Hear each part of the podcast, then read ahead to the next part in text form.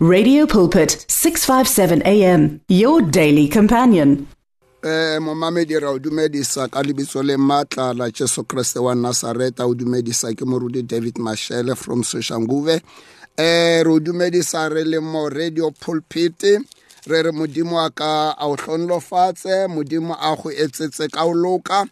Hohle mo le mo teng be blessed re santsane re tsamaisana ha mmogo re leboga sebaka sa hao eh ka tseno re tlo bolela ka setlhogo se se bolelang the gospel power or the power of the gospel.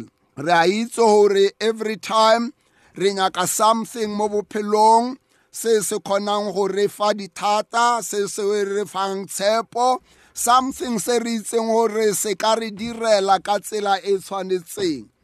Unfortunately batho ba bangata ba lebeletse botlhale ba bona ba lebeletse bokgoni ba bona ba lebeletse tsebo ya bona. Ante matla a otlhe a a modimo a o fileng ona o go neetse ona with a limit so that you don't depend mo go wena and then you learn gore o depende mo go modimo ha o bala bible mo bukeng ya luke chapter number 1 e re bible se se sa dirafaleng mo bathong mo go modimo se ya dirafala. E be e bolela hape-hape e re nothing is impossible with god.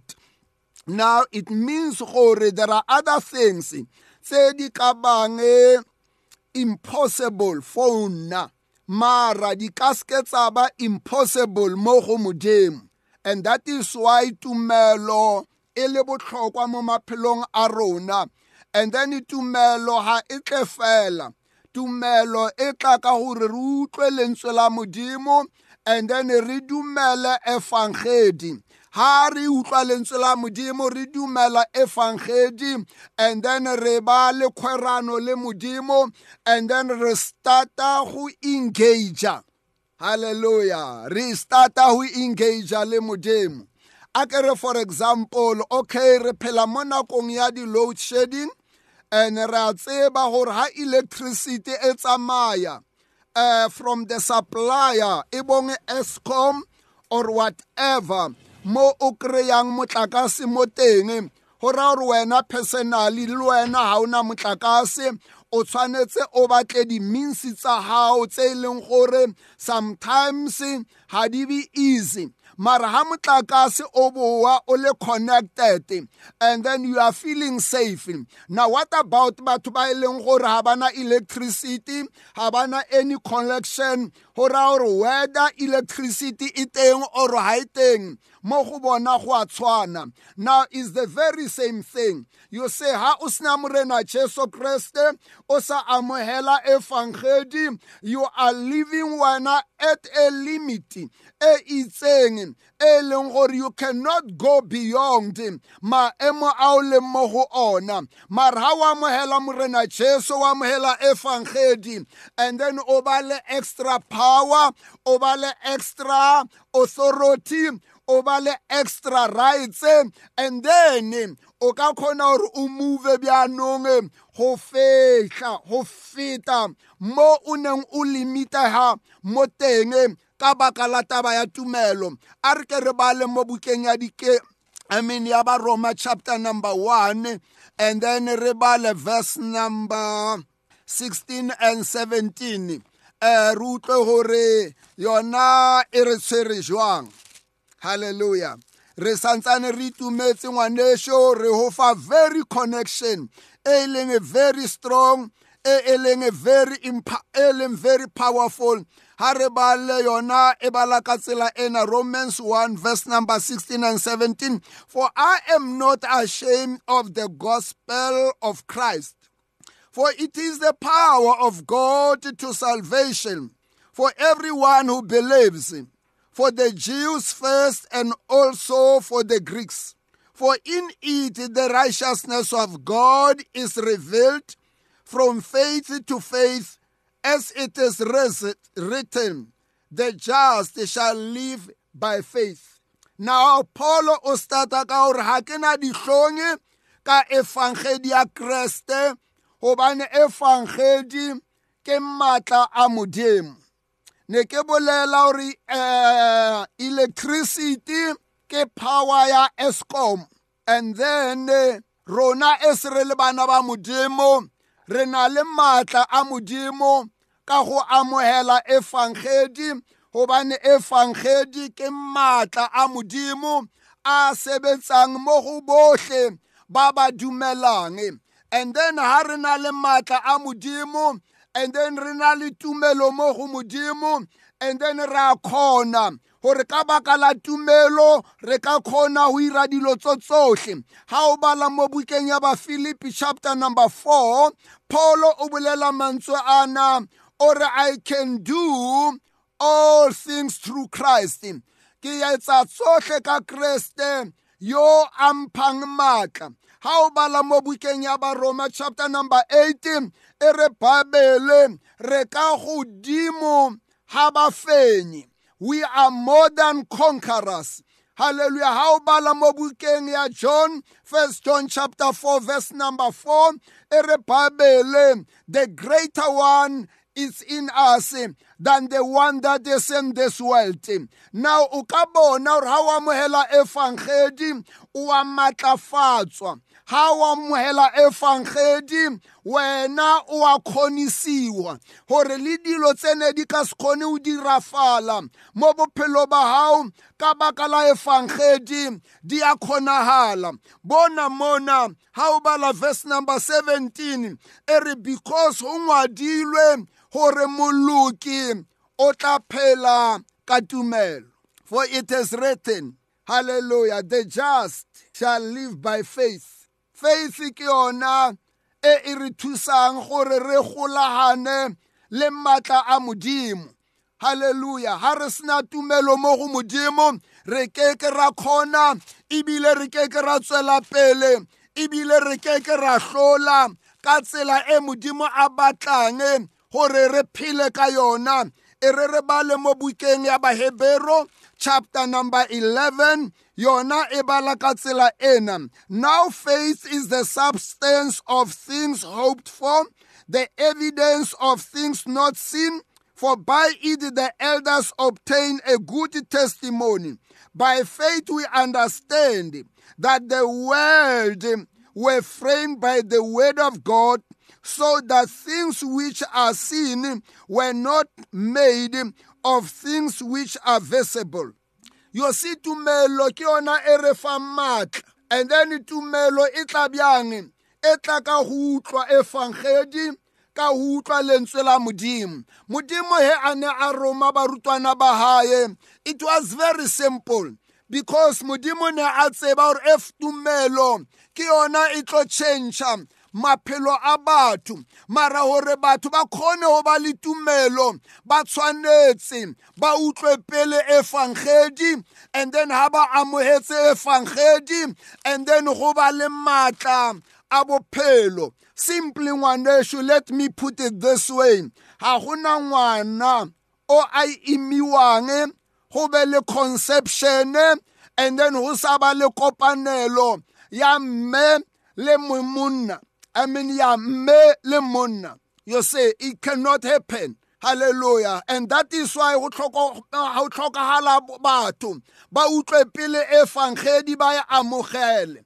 Hallelujah. Ha batho ba utlwa efangedi ba e amogetse go na le a miracle wa semoya o iragala mo maphelong a bona go ba le connection between bona le modimo.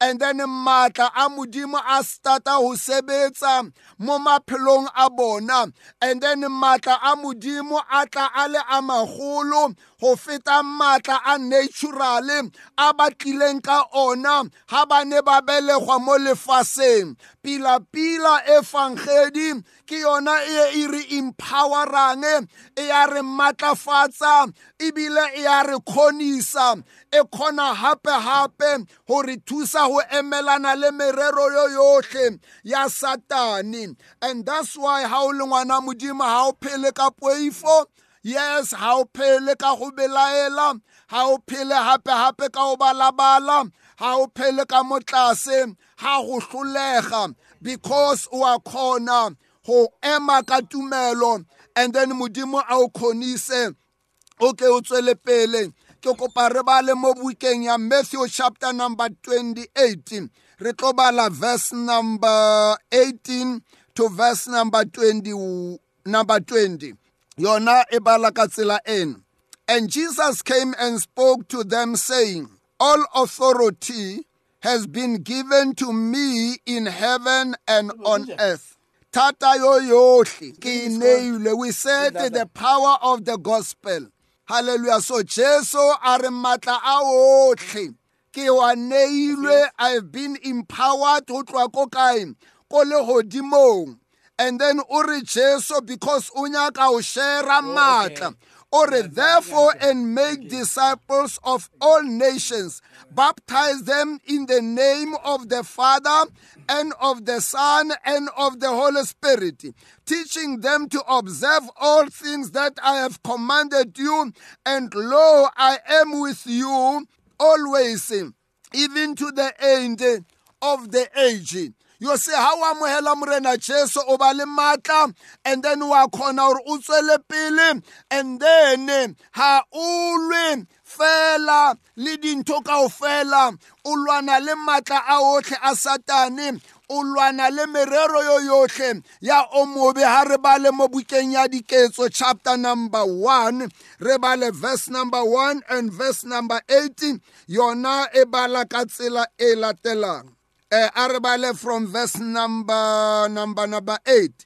But you shall receive power when the Holy Spirit has come upon you, and you shall be witnesses to me in Jerusalem and in all Judea and Samaria and to the end of the earth. Letla amohela matla. And then letla ba enge letla ba dipaki tsaka. Re paka ka matla a modimo re paka ka boholo ba modimo re paka ka lerato la modimo re paka ka mehlolo ya modimo re paka ka tshireletso ya modimo re paka ka bophelo bo modimo a re fang bona e se re le bana ba modimo. Ga re sa tlholo re le di-victim tsa satane ga re tlhatlholo re le di-victim tsa maemo because re filwe maatla ka jesu kreste wa nasareta he re ne re dumela efangedi a re ke re bale mo bukeng ya diketso chapter number 10 re utlwe gore modimo o sebetsa jwang? Verse number 37 and verse number 38 re starte from verse number number 36 the word which god sent to the children of israel preaching peace. Through jesus christ he is Lord of all. Preaching. Now, what are we preaching? Preaching is announcing, speaking the gospel. Mo bathong so that batho ga ba utlwa efangedi ba dumela mo go morena jesu and then go starta go be le kgotso now e re re bale gape e re the word which god sent to the children of israel preaching peace through Jesus Christ. He is the Lord. Now, what is a Lord? A Lord ke morena, ke mo okamedi, ke ena molaodi wa dintho tso tsohle. Ha ba re motho ke morena o na le dithata o na le ditetla o na le ditaelo and then o na le tso tsohle tse a ka di dirisang go tlisa maemo a be mo taolong. E tshwanetseng and that is why morena jesu ne a fodisa malwetse a otlhe jesu kreste ne a didimatsa mewa diphefo le makhubu a lewatle. Batho ba makala gore e ka ba o o bjang gore le yena a didimatse makhubu le diphefo. Because ke morena. Halleluja jesu kreste ke morena. O a khona o etsa dilo tso tsohle. Matla a hae a sebetsa mo go rona. I want to tell you ngwanesho ha o ka amohela morena jesu o tla bona mohlolo o tla bona bogolo ba modimo o tla bona dintho tse e leng gore ga wa di tlwaela gore di a etsagala ka lebitso la jesu malwetse a tsamaya batho ba lokologa mehlolo e a etsagala ha re bale verse number 37 e re that word you know which was proclaimed throughout all Judea and began from Galilee after the baptism which John preached. How God anointed Jesus of Nazareth with the Holy Spirit and with power, who went about doing good and healing all who were oppressed by the devil, for God was with him. What a powerful scripture. How god ka tsela eo modimo a ile a mo tlotsa.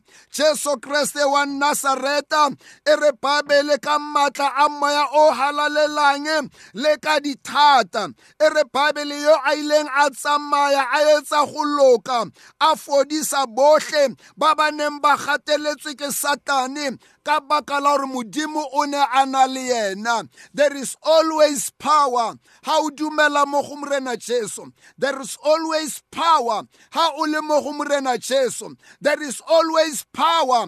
Ha o dumela mo go morena jesu there is always power. Ha wena o rapela ka lebitso la jesu there is so much power. Maatla a modimo a affecta maemo a o leng mo go ona a ka affecta mo mmeleng mmeleng wa gago a ka affecta mo lapeng. Ga wena o tshepa modimo modimo a ka o tlonlofatse ngwanešu we are transferring the power ka lebitso la jesu wa nasareta ka lebitso la jesu fola ka lebitso la jesu lokologa ka lebitso la jesu e ba lekgotso ka lebitso la jesu fetoga mo maemong o lokologe. In the mighty name of jesus a modimo a o tlhonolofatse contact number yaka 067 Seven three five eight one nine zero three. 358 1903 o le david mashele from soshanguve god bless you. Amen.